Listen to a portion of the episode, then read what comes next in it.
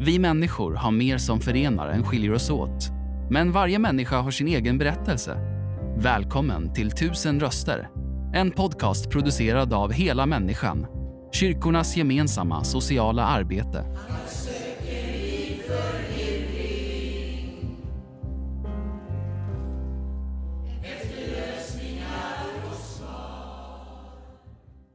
Jag sitter här hos Hela Människan i Nässjö och träffar Kristina som är 69 år och sjukpensionär.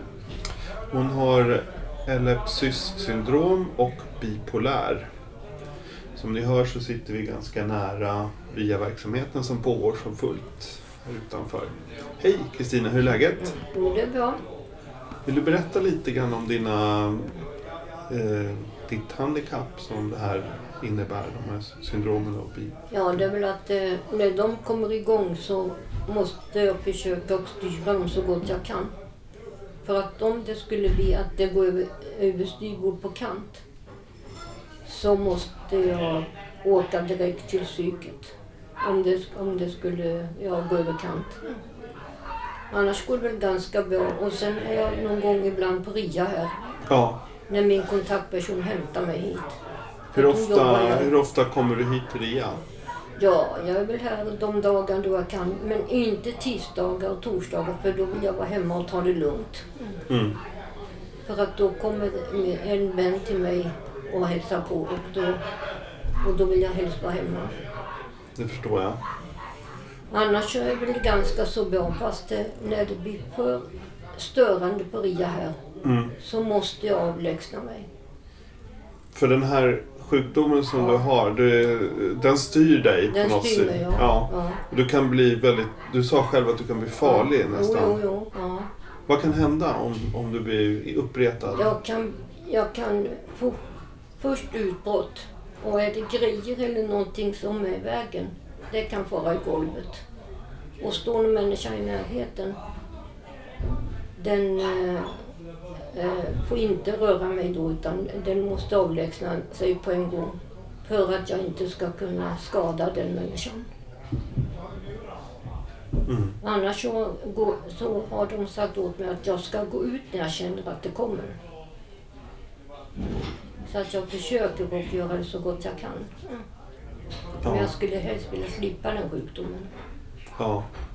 Men du tar mediciner? Ja, jag tar medicin morgon och kväll. Ja. Och sen har jag en tablett på natten som jag tar så, så, som, som ska avlägsna de här onda tankarna. Men det, ja, jag kommer ihåg ibland att ta den och ibland, och ibland går jag och lägger mig och, in, och, inte, och, tänk, och tänker inte på att ta tabletten utan försöker att sova ändå. Men då kommer mardrömmarna ibland. Men, det, ja. Mm. Men då brukar jag intala mig själv att ta det lugnt. Nu, nu, nu, nu sover du Kristina, brukar jag säga till mig själv. Ja. Vad skulle du behöva i ditt liv för att... Lugn och ro. Ja. Lugn och ro. Ja. Och inte sånt här. Nej. Det är ganska mycket ljud här i bakgrunden nu. Har man. Ja, jo, jo. Det, det kan vara så ibland på Ja, en RIA-verksamhet. Mm. Ja, förra veckan var det värre. Då var det ju precis som det hade kommit in i en hundsgård. Alltså. Sen så när jag kom hem då var det precis som eko i huvudet. Till och med min kontaktperson hon var alldeles slut. För att eh, det var för mycket. Gap och skrik och sen var det hundar och tre stycken hundar som höll på också så det var, nej. Men vad, vilken typ av ställe skulle du behöva liksom, i din situation? Är hemma i lugn och ro. Mm. Men du behöver kanske någon att prata med och så också? Eller? Ja, jag ska prata, jag ska träffa min handläggare på omsorgen nu på onsdag klockan ett. För då så ska vi förnya det här avtalet eh, om det här eh, kontaktperson. Och då vill hon veta hur jag mår och sådär. Så att då, då får jag ju prata ut med henne. Du har Och någonting fråga som... om hon kan hjälpa mig på Ja. något sätt. Du, du ingår i det här LSS då, lagen om eh, Ja, socialt stöd. ja. Som jag förstått så har du en från Hela Människan RIA här som hjälper dig. Janet. Eh, Janet är min kontaktperson. Kontakt, Ja, ja. Precis. Och sen min handläggare, det är Ann-Britt Karlsson på omsorgen. Hon Mm. har hand om mig. Mm. Så det är jättebra. Ja. Så att eh, kommunen och landstinget har hand om mig. Mm.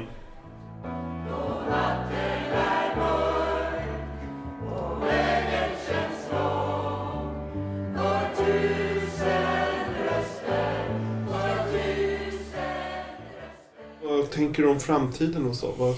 ja, det beror på hur länge jag, hur länge jag orkar hänga i. Eftersom, eh, vad den, eh, eftersom jag nu blir nu på fredag 69 och sen nästa år 70. Så att det, det beror på. Mm. Vad skulle du vilja göra i framtiden? Ja, jag vet inte vad jag ska kunna tänka mig.